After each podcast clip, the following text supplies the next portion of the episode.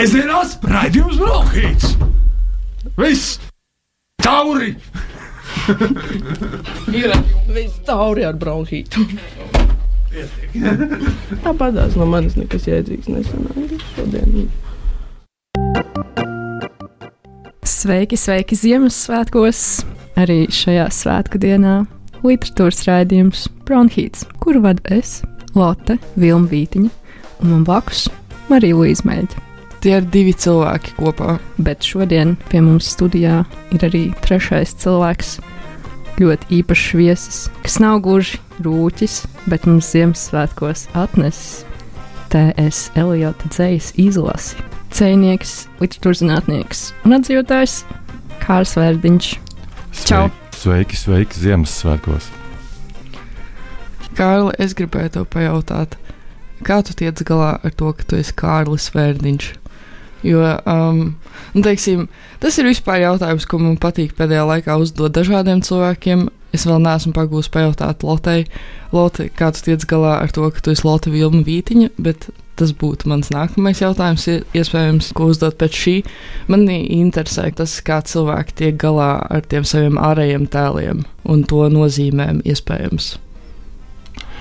Nu, es ikdienā galīgi nedomāju par savu ārējo tēlu.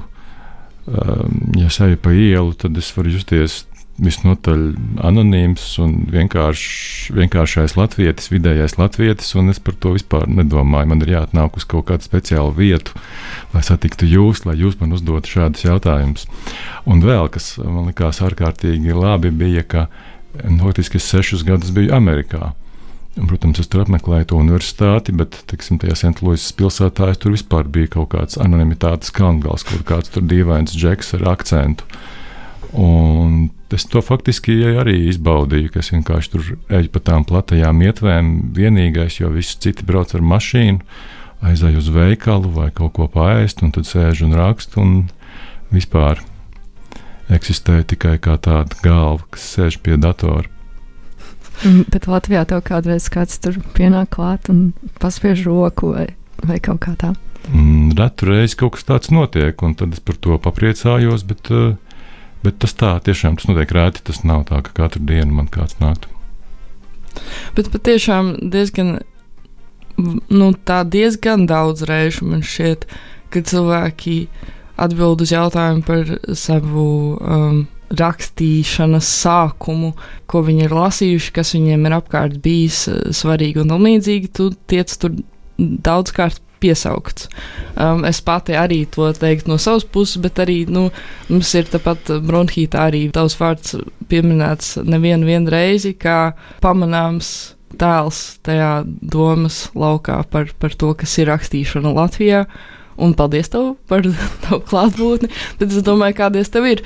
Vai tu pats sasaisties ar to, vai tev šķiet, nu, labi, tas ir tur priekš citiem, ka es esmu tur, um, jā, es nezinu, man nav īsti skaidri vārdi šim. Bet mums jingliņš beidzās apakšā. Plētīsim vēlreiz. Protams. Jingliņš atpakaļ studijā.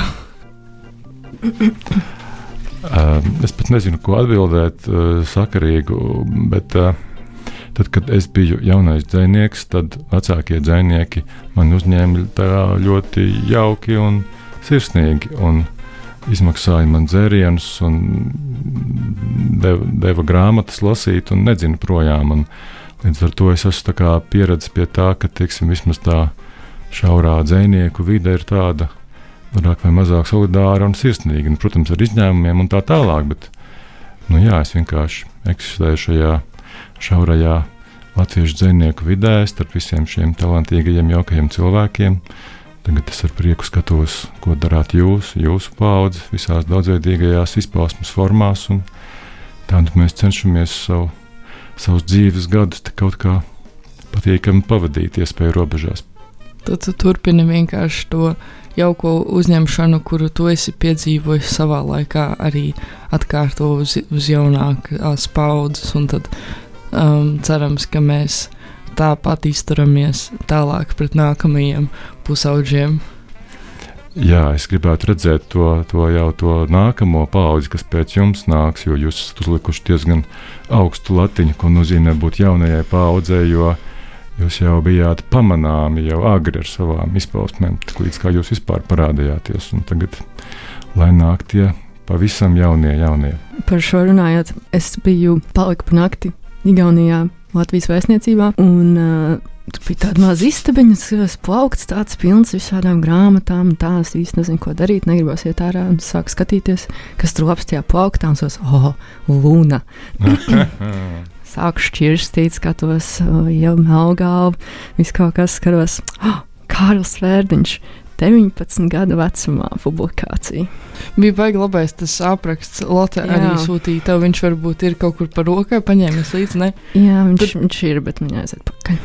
Tur man liekas, Tur, bija jā. kaut kas, ka, um, ka ir svarīgi lasīt iepriekšējo pauģu rakstniekus, ka uh, veci dzinieki raksta par puķiem. Uh, jauni dzinieki raksta par savu nabu, nabu un jaunas dzinieces raksta par savu kājstarpi. Šīs visas jā. lietas man ir ļoti nu, tūs pie sirds, un tad, tāpēc man uh, patīk. Ceļi. La, la, labprāt lasu latviešu literatūru. Man šķiet, kaut, kaut kā tā, tā jā, ļoti pārsteidzoši, pārdabiski laba atmiņa. Jā, es piekrītu. es vienkārši saprotu, ko es tur izlasīju.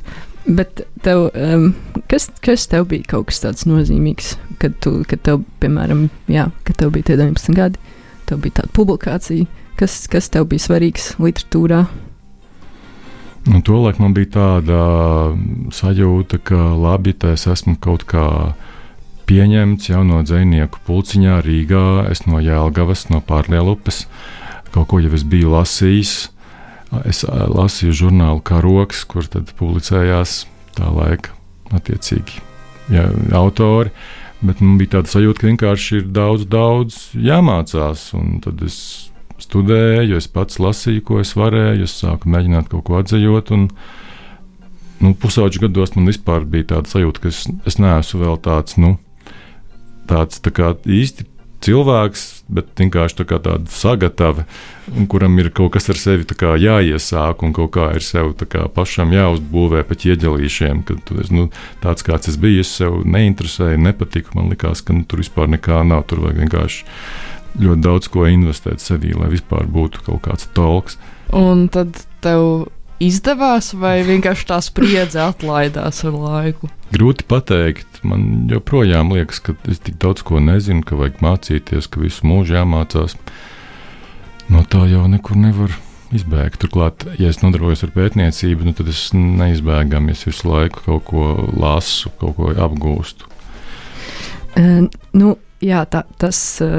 Ko rūķis šogad ir, nu, rūķis, nerūķis šogad ir atnesis, atnesis ir T.S. Eliota uh, krājums. Un, ko izdevis un runājot arī par pētniecību, Rūķis ir atnesis nevienu šo grāmatu, Tā bet ir. arī esejas par Montu Kromu. Jā. Viens no rūķiem, um, par kuru arī cerams mēs dabūsim drusciņu parunāt. Bet man bija vēl, man bija tāds, man bija jautājums, kas man radās sakarā ar. Uh, Elijota atzīšanu, vai kādas ir kaut kādas nozīmīgākās lietas, kuras tu esi uh, atklājis, vai iegūsi, vai iemācījies no, no tā uh, procesa, tulkošanas, tieši viņa tekstu, piemēram?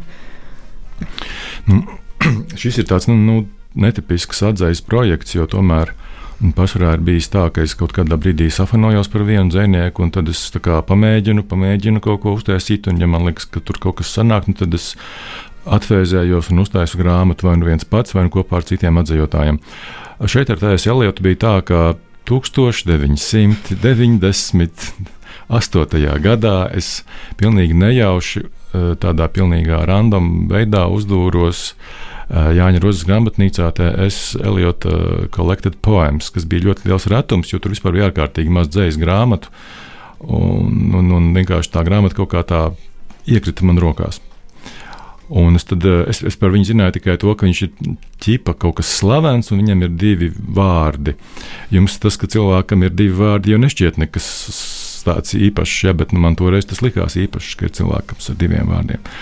Nu, es mēģināju viņu atzīt. Es to, to brīdi studēju žurnālistos vienu gadu, un es mājas darbu uh, angļu valodā izpildīju kā atzīt kaut kāds īsos elietu dzējolīšus. Tad tā pasniedzēja teica, ah, tas ir normāli, ka man bija te Andris Akmentiņš students, viņš man visādus brīnums nesa.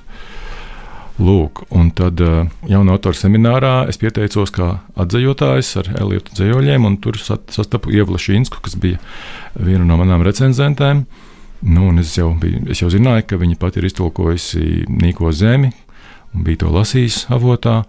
Un, nu, tad mēs noslēdzām paktu, ka mēs strādāsim pie Eliota, taisīsim viņam grāmatu. Dažādu iemeslu dēļ tas ievilkās uz 20 gadiem, bet nu, šeku reku, te nu tā grāmata ir. Bet tas būtībā ir tas pats projekts, par kuru jūs vienojāties pirms tiem 20 gadiem. Viņš ir nevis tagad sakritības pēc, ir uzradies vēl kāds, kurš tieši jūs abus ir uzaicinājis to darīt, bet jūs nu, tā mērķiecīgi lēnām to arī virsījuši visu šo laiku?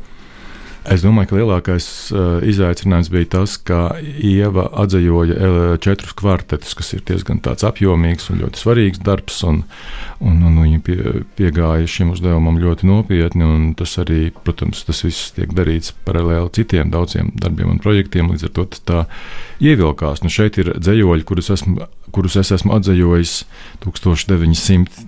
98. gadā šeit ir e, mazā poēma Tukšie ļaudis, kas pirmpublicēta ir 2000. gadā laikrakstā Literatūra un māksla Latvijā, kāds jau sen vairs neeksistē.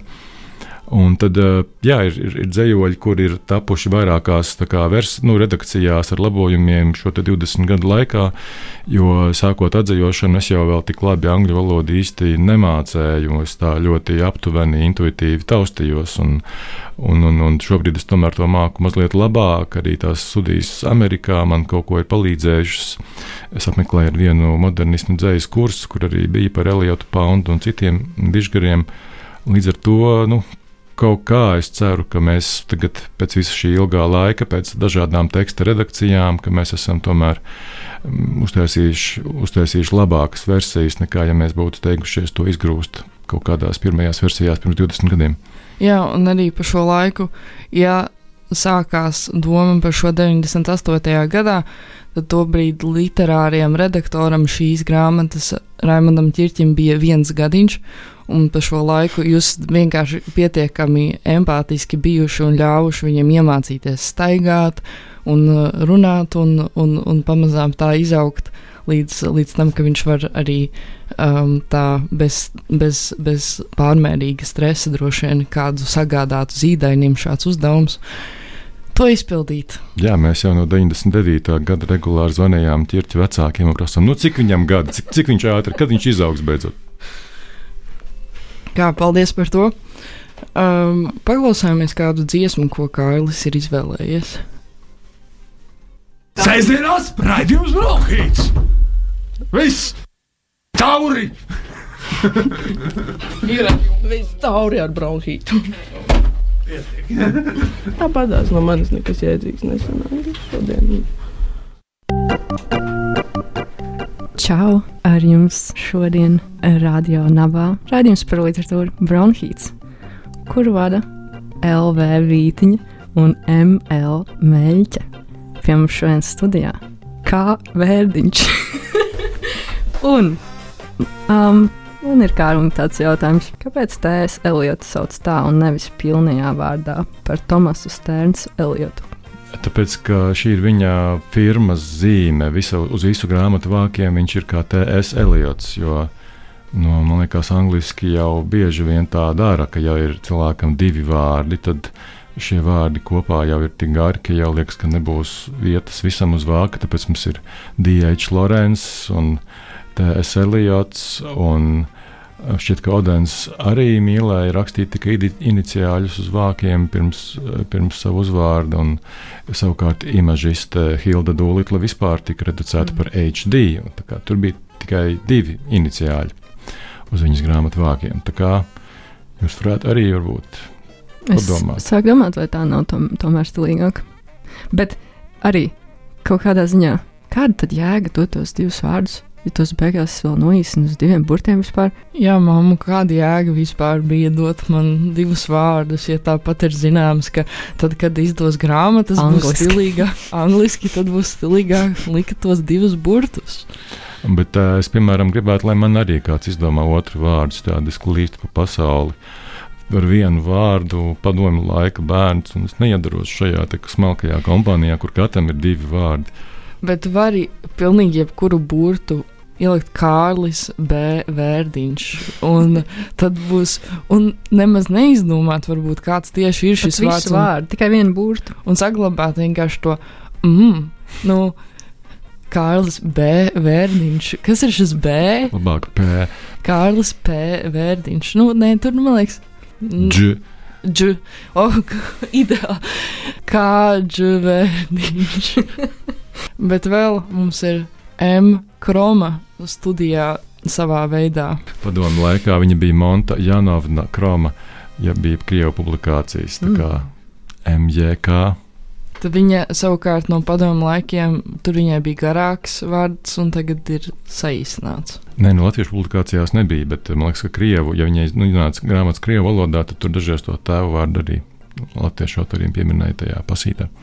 Pastāstīs mums, kā viņa ir saistīta ar šo brīdi, kurā mēs runājamies. Šajā brīdī jau ir pārvarētas tās iespējamās sekas, kas kādam varēja rasties no Montes Kromas kokteļa vakara. Montes Kromas kokteļa vakarā mēs ar prieku atvērām šo grāmatu, kolektīvo monogrāfiju, ko, ko es esmu sastādījis kopā ar saviem kolēģiem Latvijas Universitātes Literatūras, Folkloras un Mākslas institūtā Arti Ostupu un Jāni Ozoliņu, un kurā ir, ja nemaldos, 13 autoru pētnieciski raksti par uh, Kromas dzīvi un daļradi. Un tas mūsu mērķis bija ar 21. gadsimta acīm paskatīties uz Montu Kromu kā uz sava laika ievērojamu modernisti, kam 60. gados bija lēmts kļūt par vienu no tādām visinteresantākajām latviešu dzīslu reformētājām. Jo, kā mēs arī saskarāmies pētniecības gaitā, tad modernisms padomju laikā skaitījās diezgan slikts vārds, faktiski lamu vārds. Un līdz ar to mūsdienu tādā kritika, kritiskajā diskursā ir jārada vispār jauns priekšstats par to, ko tad Monta darīja. Jo um, vēl 1960. gadā, es atceros, piemēram, bija tāds uh, raksts par amerikāņu modernismu karogā, un tur viss tas raksts bija veltīts tam, lai pateiktu, cik briesmīgs ir šis amerikāņu modernisms, cik tā ir kaut kāda sapuvusī buržuāzijas morāle, kaut kāda tur dekadence un darba cilvēkiem naidīgi kaut kā tur sadomājumi. Ja?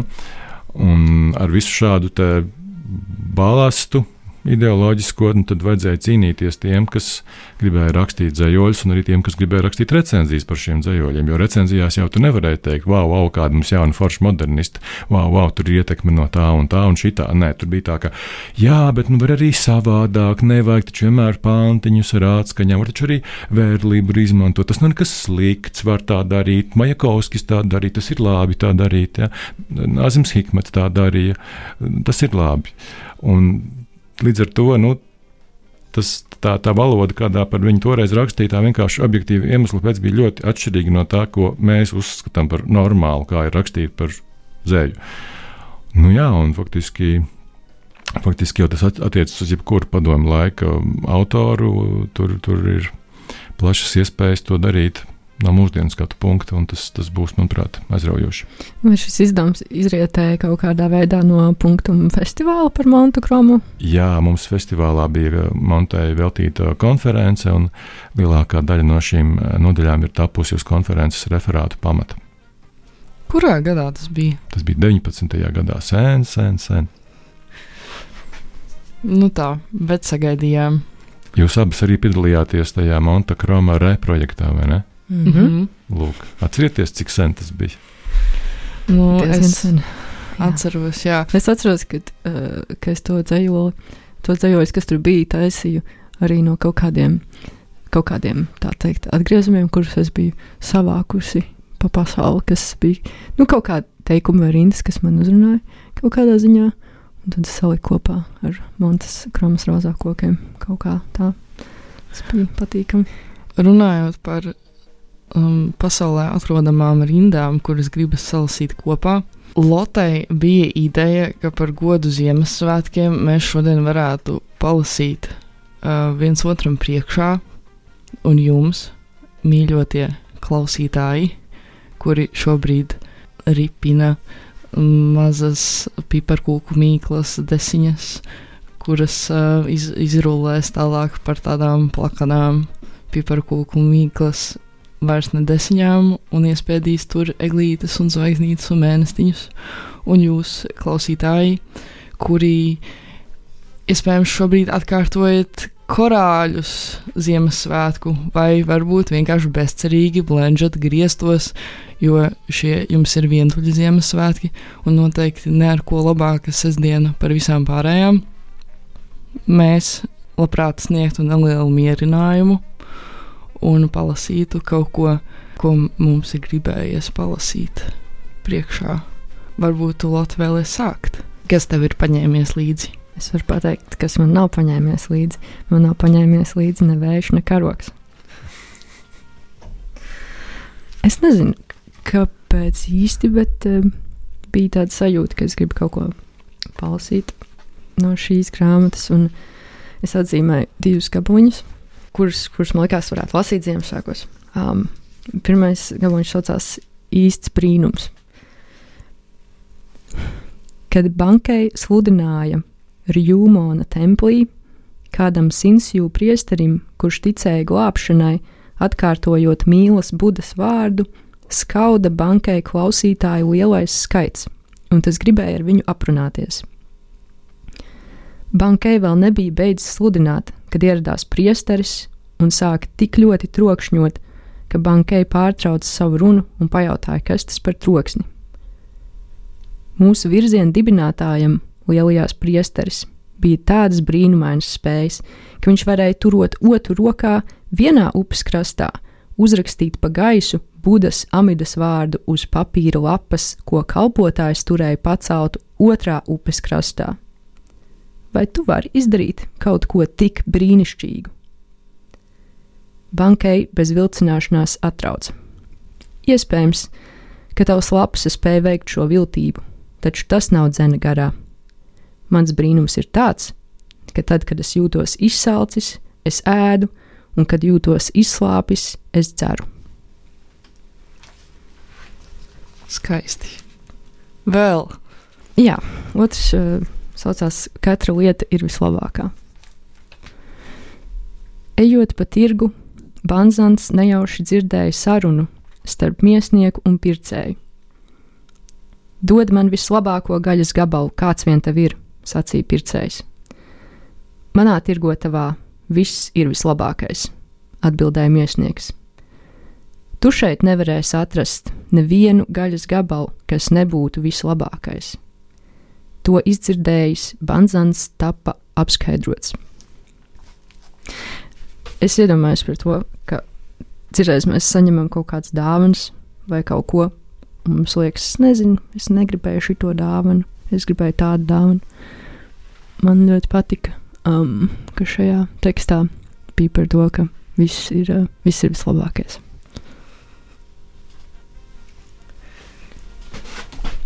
Varbūt tu arī Līdzi kaut ko nolasīt. Patiesībā sakot, šobrīd es labprāt padomātu par dzirdēto, bet um, mēs varam par to mazliet parunāt. Tā būtu dīvaina radio pārraide, it kā tādā diezgan labā, nevērš ne karokas garā, kas būtu tāda pārdomu pārraide, kurā vienkārši ir kl klusums pārdomu. Ir, tu, tu ieslēdz radio, un tev tur neko nestāsta. Šis ir laiks, kurā tev ir jāpadomā. Vai tas nav arī Ziemassvētku garā mazliet? Tas šķiet arī to starp Ziemassvētku garā.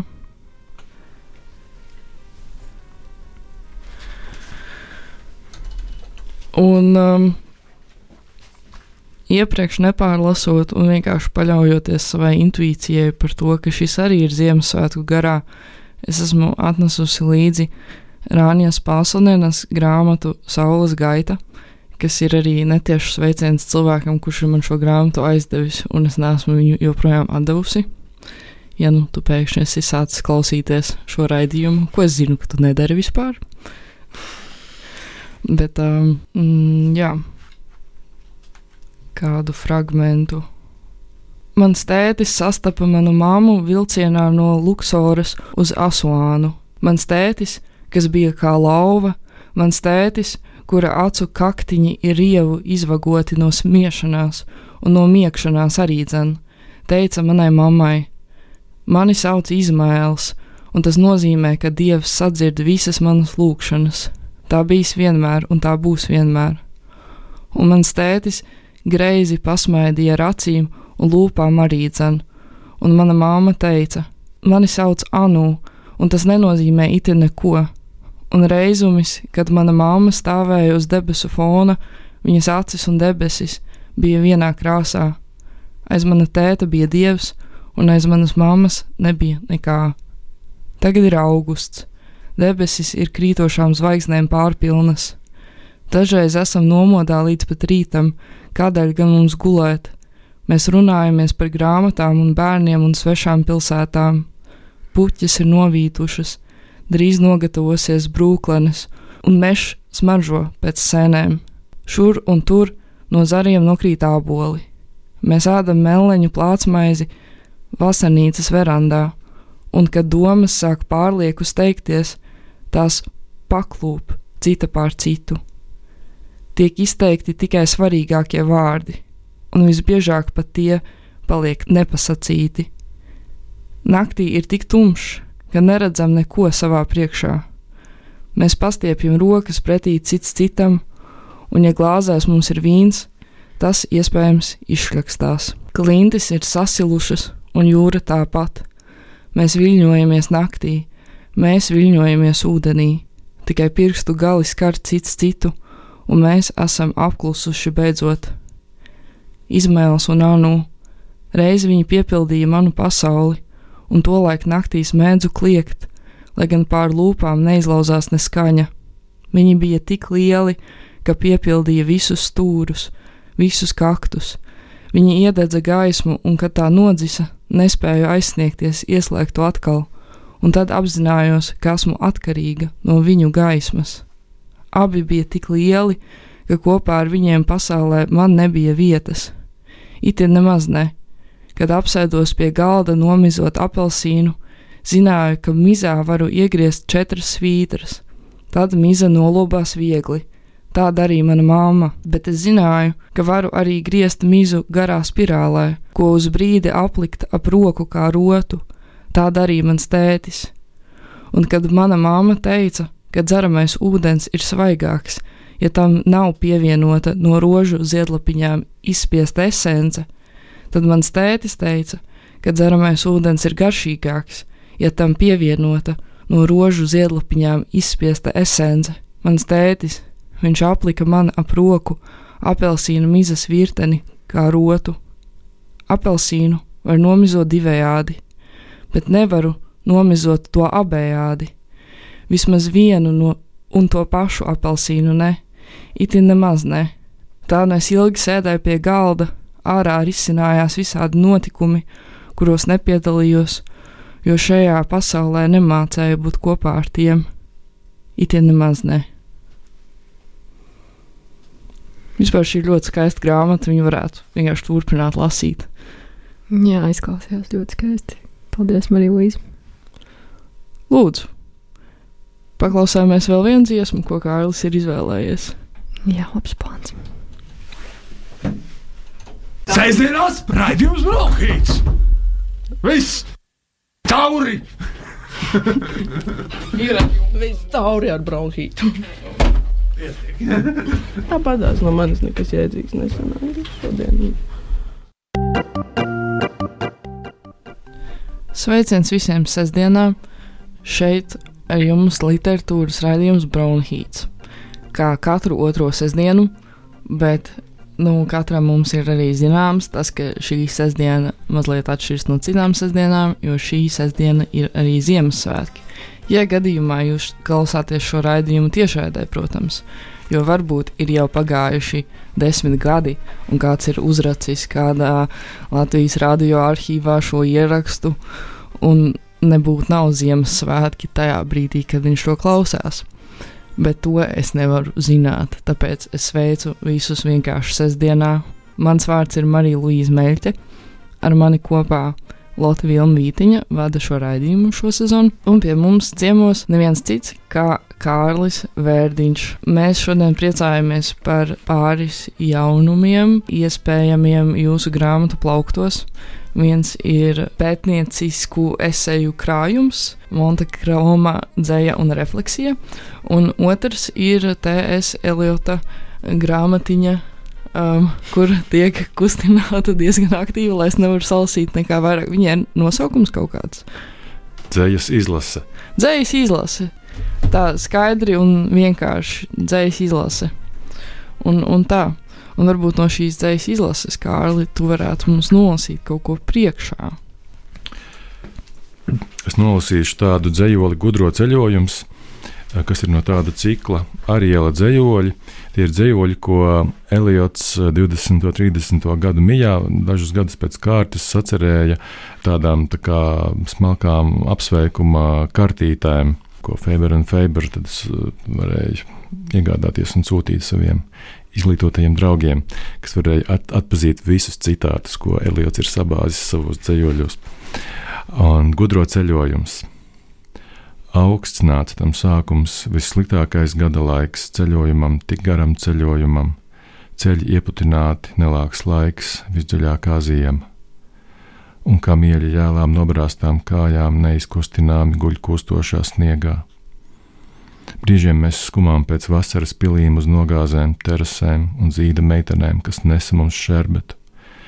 Tad kamieļu dzinēji lādes un kurnu un bēg projām, grib dzērienus sievietes, un nakts ugunskuri dziest un pajumtas nav, un lielās pilsētas naidīgas un mazās nelaipnas, un netīrie ciemati plēš augstu maksu. Grūts bija tam sākums. Beigās mēs ceļojām dienu un nakti, snauzdami cauri miegu. Balsis, kas dziedāja mūsu ausīs, teica, ka tas viss ir neprāts. Tad ausmā mēs ieradāmies mērenā mitrā ielā zem sniega līnijas, kuras maržo pēc augiem, ar skrejošu strautu un ūdens dzirnavām, kas maļ tumsu, un trim kokiem zemajās debesīs, un vecs balts zirgs aizāļoja pļavā. Tad mēs gājām uz krodziņu, kur vīnogulāja ap durvīm, sešas rokas aiz atvērtām durvīm met kauliņus par sudraba gabaliem, un kājas spārda tukšās vīna somas. Bet jaunu ziņu nebija, un mēs devāmies tālāk. Un ieradāmies vakarā, tieši laikā, lai atrastu vietu. Tas bija, varētu teikt, apmierinoši. Atceros, tas viss bija ļoti sen, un es to darītu vēlreiz, bet iegaumē, to iegaumē, to, vai mēs šajā ceļā tikām vadīti dzimšanai vai nāvei. Dzimšana, protams, bija, tas mums pierādīts, šaubu nav. Esmu redzējis dzimšanu un nāvi, bet biju domājis, ka tās ir atšķirīgas. Šī dzimšana mums bija smaga un rūkta agonija, kā nāve, mūsu nāve. Mēs atgriezāmies savās vietās, tajās valstībās, bet nebijām vairs brīvi, senā atbrīvotībā, kad tvērāmies pie svešinieku dieviem. Es priecātos par citu nāvi. Par šiem citātiem Kā tev šķiet? Nu, es, es nezinu, man nav tāds ļoti skaidrs jautājums, bet man prasītu, es gribētu laikam lūgt tev mazliet pareflektēt par to, ka vispār nu, Eliots ir viens no tiem autoriem, par kuriem tā runā, ka, lūk, ka šī teksta ir ļoti plīva ar dažādām atsaucēm un citādiem, un, un tad tur to visu var tā skatīt un šetināt un uh, visu kaut ko samanīt. Bet, um, vai viņam pašam ir šie citāti bijuši būtiski tādā ziņā, ka tiešām tad, lai viņus atpazīst un saprot, ik, ik viens lasītājs, nu, ka tas teksts ir būtībā pieejams tā īstenībā tikai ļoti šauram lokam, kuri spētu to atpazīt, vai arī tas drīzāk ir nu, viņš pats ir visas šīs lietas zinājis un domā caur tām, un tad ļauj sev rakstīt šajos citātos. Vai kaut kā vēl citādi? Uh, tur ir vairākas atbildes. No vienas puses, uh, teiksim, tāda angļu amerikāņu dzīslu tradīcija tomēr nu, ir pagātnē orientējusies uz tādiem izglītotiem cilvēkiem, studējušiem universitātēs un tādiem, kas tā kā brīvi sarunājas, tur nezinu, grieķu, latīņu valodā, atpazīst kaut kādus tos slavenos citātus, ja, kas tur pamācījušies tur franču, varbūt vācu valodu, kas tur ir apceļojuši pasauli un lasījuši grāmatas. Un, Un tas nav nekas sevišķs. Un tas nav nekas sevišķs, bet tā ir tāda ierobežota cilvēku grupa. Un tā pašā laikā mūsdienās, nu, teksim, pēdējos simts un vairāk gados, vispār, ja, nu, es domāju, visos rietumos, visa tā kultūra ir kļuvusi demokrātiskāka. Nu, mēs vairs nemācāmies grieķu un latīņu valodu. Vairs nav tā, ka izglītība ir tāda greznība, ka, kas pieejama tikai tiem, kas tur aiziet ar kājām uz Tārbatas universitāti. Kad tagad mēs tā kā, kā dzīvojam tādā visiem daudz pieejamākā informācijas telpā, bet nu, mēs neesam arī tādi elitāri, mēs, mēs, mēs tā kā varbūt. Vispār tas ir jautājums, ar kādu zināšanu kopumu mēs varam operēt. Teiksim, kas ir tas, ko mēs visi zinām, jo mēs esam tie kultūrālie cilvēki, kas ir lasījuši tās grāmatas, tagad es pateikšu, tagad uh, virs galvas mūžīgs piena ceļš un mūžīgs ceļš zem kājām. Nu, jūs atpazīsiet, kas tas ir vai ne. Bet es tagad pateikšu kaut ko, ko publicēja lē, žurnālā Luna otrajā numurā, 24. lapusē kāds jaunais autors, kas sen vairs neraksta. Ja? Protams, ka to mēs neviens neatcerēsimies.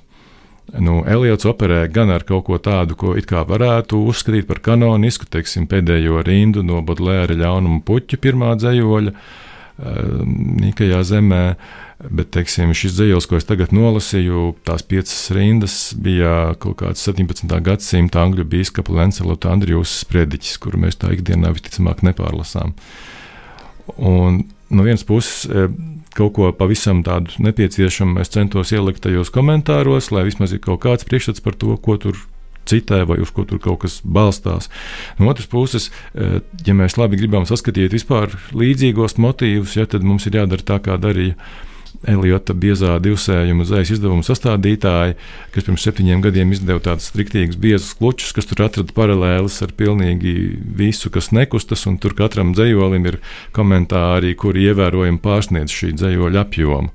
Un tādai, tādai atsauču orģijai, kā Nīkajai zemē, tur vispār ir, man liekas, desmitiem lapušu gari komentāri, slīdzinājumi un, un, un, un viss pārējais. Tā kā Bet es negribu, lai tas viss nobiedē lasītājus, jo mēs varam darīt dažādi. Mēs varam censties katru vārdu noskaidrot, no kurienes tas varbūt nāk, un mēs varam vienkārši lasīt to, kas ir rakstīts uz papīra. Un, un, un, un domāt par to, kādu iespēju tas atstāja uz mums, kā uz lasītājiem, kas šo tekstu piedzīvo šeit un tagad, bez, bez kaut kādas milzīgas gatavošanās. Un man liekas, ka tas ir interesanti ar šiem modernismu tekstiem, arī ar to pašu Joyce. Ja, jo, ja mēs tagad gribam tā vienkārši apsēsties un palasīt Ulisu, tad tur arī uzreiz rodas tāds iespējas, ka principā mums ir tagad jātur par rokai Julis is annotated, un tad ir visas šīs neprātīgi daudzās lietas jāņem vērā, kas ir, kas ir izpētīts pa šiem gadu desmitiem, un ko pats Joyce tur ir iebāzis iekšā. Un, Var sakot, nevar normāli palasīt grāmatiņu, ir visu laiku visa biblioteka jāpārcelā. Bet tas nav tā, ka viņiem pašiem vienkārši ir bijusi nepieciešamība pēc tā, ka viņi piebliež tos tekstus ar šīm lietām, un ka varbūt ka uz tie, nu, ka lasītājiem nav ar to jānoņemas nemaz. Lasītājiem nav ar to jānoņemas, bet, eh, manuprāt, uh, teiksim, var noteikti daudz interesantu lietu iegūt no tā, ja tu izvēlies ar to noņemties. Bet, um, uh, es domāju, ka šeit ir tā, ka modernisms piesaka jaunu skatījumu uz to, ko vispār nozīmē autors. Jo ja līdz tam bija tā apmēram tāds konsensus, ka no autors tas ir kaut kas oriģināls, kaut kas unikāls, kaut kas tāds, kas kaut ko tādu varenu, pacilājošu, rāda kaut kāds ģēnijs, ja, kas tur ar savām viedajām domām mums nāk pretī. Ja. Tad šeit mēs redzam, ka autors ir bezmaz vai tāds kolāžu meistars, vitrāžu meistars vai kurators, kas paņem no visdažādākajiem tekstuālajiem plauktiem kaut ko un samiksē kopā, un tas arī ir tas, kas rada to viņa dzēju. Mīkajā zemē tur arī, piemēram, no kaut kādi tur džēzi un rektāmi un patafoni tiek pieminēti. Tur atsaucas uz savu laiku kaut kādu populāro kultūru, jau uz kaut kādu skaņu plati, ko varēja katra katrs, katrs klausīties mājās. Ja? Tā kā, tā ir tā, tas, tas augstais modernisms, te pašā laikā tas arī visu laiku skatās apkārt, ka, kas notiek tajā pilsētā, ko, ko, ko tur pārdzīvo tie varoņi. Varbūt vēlēs nolasīt vēl kaut ko. Kaut ko tādu īsu droši vien, vai ne? Par kaķīšiem vai kaut ko nopietnu? Par kaķīšiem. Par kaķīšiem.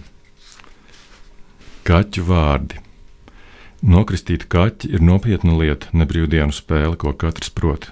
Iespējams, galīgi traks es jums liekos, kad saku, trīs vārdus tam pienākas dot. Pirmkārt, vārdu, ko lietot it bieži, tādu kā Pēteris, Augusts vai Miks, tādu kā Jonatans, Viktors vai Sniedziņš, vārdu, kas diendienā izmantots tiks ir smalkāki vārdi, kas izklausās glīti, cits džentlmenim, cits dāmai tīk, kā Platons, Elektra vai Afrodīta, bet visus tos diendienā izmantot drīkst. Vēl vajag vārdi, kas neparasti, īpatnēji un cienīgi skan, bez tāda nevarēs gaisā celt asti un ūsus izsliet nevarēs gan. Šādus vārdus es zinu daudzus - munkus traps, kvakso un putna piens, bombalurīna vai žēlējas kaudze, vārdus, kam valkātājs ir tikai viens. Bet galā un sākumā paliek vēl pāri viens vārds, kuram cilvēks nevar tikt klāt, ko nevar atklāt pat pētot kāri, bet kaķis pats zina un neteiks nekad. Kad ieraugāt kaķa meditāciju, iemesls vienmēr ir viens un tas pats - cieša un spēcīga koncentrācija. Domās, domās tam skan viņa vārds tā neizsakāmi, iz, neizsakāmais, dziļais un apslēptais īpašais vārds.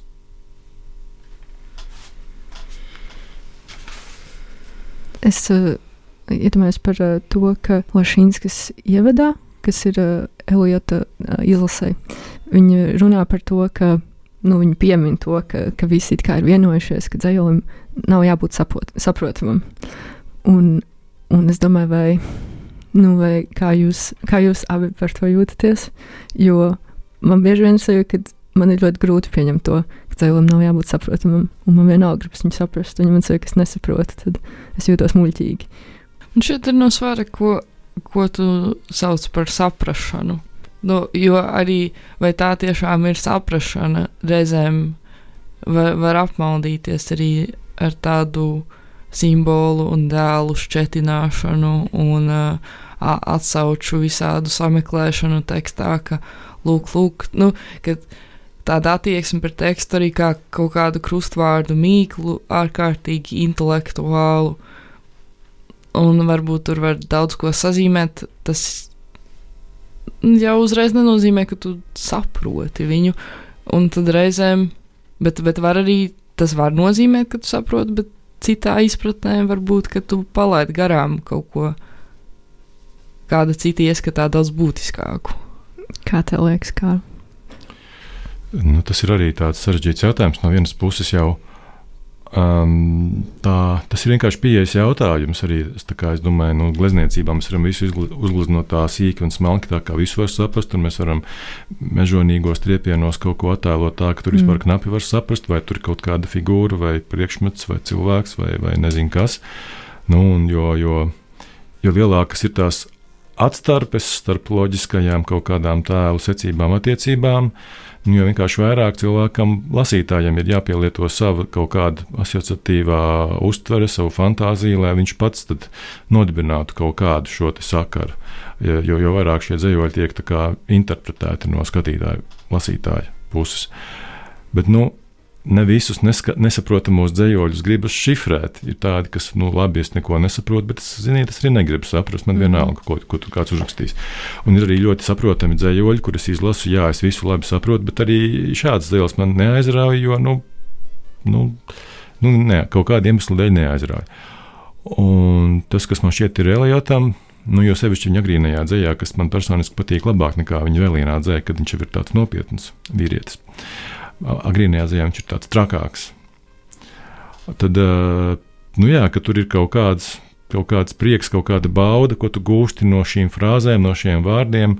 Uh, arī tad, ja tu nevari tā racionāli izskaidrot, kas ir kas tur notiek, no kurienes viņi nāk un uz kurien iet, un kāpēc tieši tagad kaut kas tur notiek. Turklāt viņš vēl tur piebāž dažreiz savus dzējoļus ar visādiem mistiskiem personu vārdiem. Es atceros tajā pašā Gerontijā, piemēram, tur taču, piemēram, Debajāša freska Kamela kundze izkaisīti aiz drebošā lāča riņķojuma salūzušos atomos. Uh, Mēs nezinām, kas ir Debajāša freska un Kamela kundze. Mēs zinām tikai to no Eliota komentatoriem, ka tie visticamāk ir Eliota fantāzijas radīti personāži, kuri nekur neparādās ārpus šī īsā teksta fragmenta, kur mēs par viņiem neko neuzzinām. Viņi paliek vienkārši kā tādi. Tādi anonīmi vārdi, apmēram, kas pazīst un aizskrien. Un, nu jā, tur tad ir jautājums, vai vai kopumā tas viss fascinē, vai kopumā tas viss nomāca un garlaiko. Un vēl citreiz ir tā, ka teksts šķiet ļoti vienkāršs. Ah, nu, tur ir tā domāts. Un, um, un it kā kaut kāda jauka doma, un tad dzīvo tālāk. Uh, jūties to sapratis. Bet tad tu vari paraudzīties uz viņu vērīgāk un uh, un sākt, teiksim, vienkārši domāt par šo vārdu attiecībām, un, un tur var saskatīt visādas arī uh, neizskaidrojumā, kas var būt domiņas, kas, kas var uh, pirmajā brīdī likties tāda jauka aina.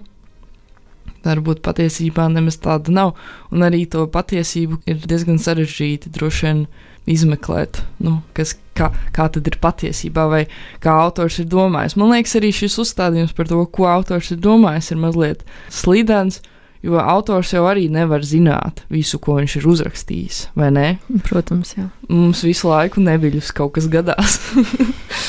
Un, uh, Viņš arī, nu jā, un arī man liekas, ka tas uh, ir pilnīgi normāli radošajā procesā. Arī, arī tas, ka tu uzraksti vai tu uzglezno kaut ko, ko pēc vispār varbūt tu pats saproti pēc diviem gadiem, ko tu esi izdarījis un kāpēc, kas tas vispār ir. Vai arī kāds psihoanalītiķis paskatās uz to tavu darbu un Ah, nu kā, tas taču ir par tur. Labi, es negribu nekādus konkrētus piemērus teikt. Mīlas pietrūkst. nu, jā, nu, jā. Es iedomājos vēl, ka mēs varētu mazliet paklausīties, kā um, Eliots pats lāsa. Droši vien nepilnā garumā, bet tad vismaz pirmo daļu um, man šķiet fascinējoši viņa lasījums dzējolim Ash Wednesday, kas ir tulkots un lasāms arī šajā um, dzējas izlasē latviski. Um, un es, piemēram, es, piemēram, neskrietu uzreiz paskaidrot, kāpēc tas mani fascinē. Man reizēm patīk ļauties vienkārši tam, ka, ka kaut, kaut ko kaut ko es piedzīvoju tur. Ash Wednesday. Because I do not hope to turn again, because I do not hope, because I do not hope to turn, desiring this man's gift and that man's scope, I no longer strive to strive toward such things. Why should the aged eagle stretch its wings? Why should I mourn the vanished power of the usual rain?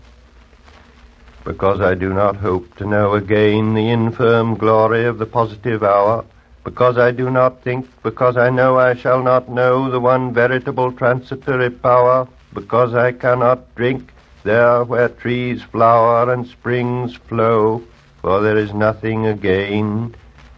Because I know that time is always time, and place is always and only place, and what is actual is actual only for one time and only for one place. I rejoice that things are as they are, and I renounce the blessed face and renounce the voice.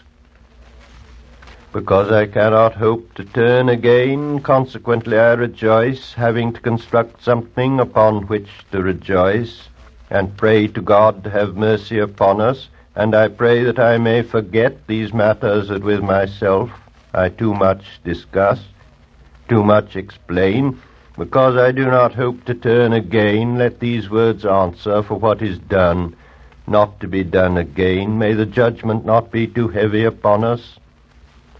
Because these wings are no longer wings to fly, but merely vans to beat the air, the air which is now thoroughly small and dry, smaller and drier than the will.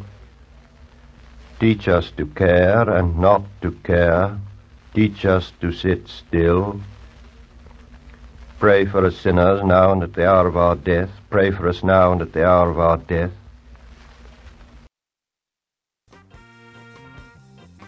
Tas bija T.S. Eliots pats savā balsī no interneta. Kārli, ko tu gribi pateikt? Var sakot, jūs tikko uzlikāt to dzējoli, kas ir pirmais Eliota atzējojums latviešu valodā publicētais. Ah, Jo 1940. gadā, ļoti īsu brīdiņu pirms padomju okupācijas, iznāca tāda angļu dzīslu antoloģija, kuru sastādīja angļu profesors Viljams Metjūs, kas strādāja Latvijas Universitātē un kopā ar sava laika latviešu dziniekiem un atzījotājiem. Un Fricis Dziesma šajā antoloģijā ir publicējis eh, Eliota tādu nelielu dzīslu kopu, kas sastāv no eh, pelnu dienas pirmās daļas, ko mēs tikko noklausījāmies, un no viena cita. eh, Ariela dzējoļu cikla darba no dzējoļa Marina. Un, uh, Pēc tam īsti nekāda kritiskā reakcija nesakoja uz šo antoloģiju, jo tūlīt bija padomju okupācija un tas viss kaut kur apklusa. Bet vēlāk, tad, uh, kaut kādā cimdas publikācijās, es esmu lasījis, ka tolaik neviens nesaprata, ko tas Eliots tur ir sarakstījis. Un tas Metjūs, tas Metjūs gribēja, lai mēs to Eliotu atzījām, bet mēs atzījām, tad mēs neko nesaprotam, tad mēs viņam prasām, kas tur ir, un viņš saka, nu, dari kā tu gribi. Un, var sakot, tā latviešu dzinieku paudze, kas bija atzīvotāji 1940. gadā, viņi nesapratīja īsti šo poētiku, viņi ar to nestrādāja. Viņi nu, nebija tik ciešas saiknes ar šiem Eiropas modernismu centriem, lai viņi tā kā pēc būtības to uztvertu. Ja mēs tagad arī lasām tos dzējoļus, nu, tad mēs redzam, ka tie ir no, no, no, novecojuši atzējojumi, ka mēs nu, pie labākās gribas tādas nu, nevarētu tagad likt šajā grāmatā. Tāpēc es vēl ļoti īsi pateikšu, ka, protams, ka mēs neesam ne pirmie, ne vienīgie, kas ir atzējoši Eliotu latviešu, bet līdz šim jau faktiski ir pietiekoši apjomīgas publikācijas bijušas, tikai tās nav bijušas grāmatās, kam uz vāka ir rakstīts T.S. Eliots. Dzintara soduma rakstu piektajā sējumā dzēja.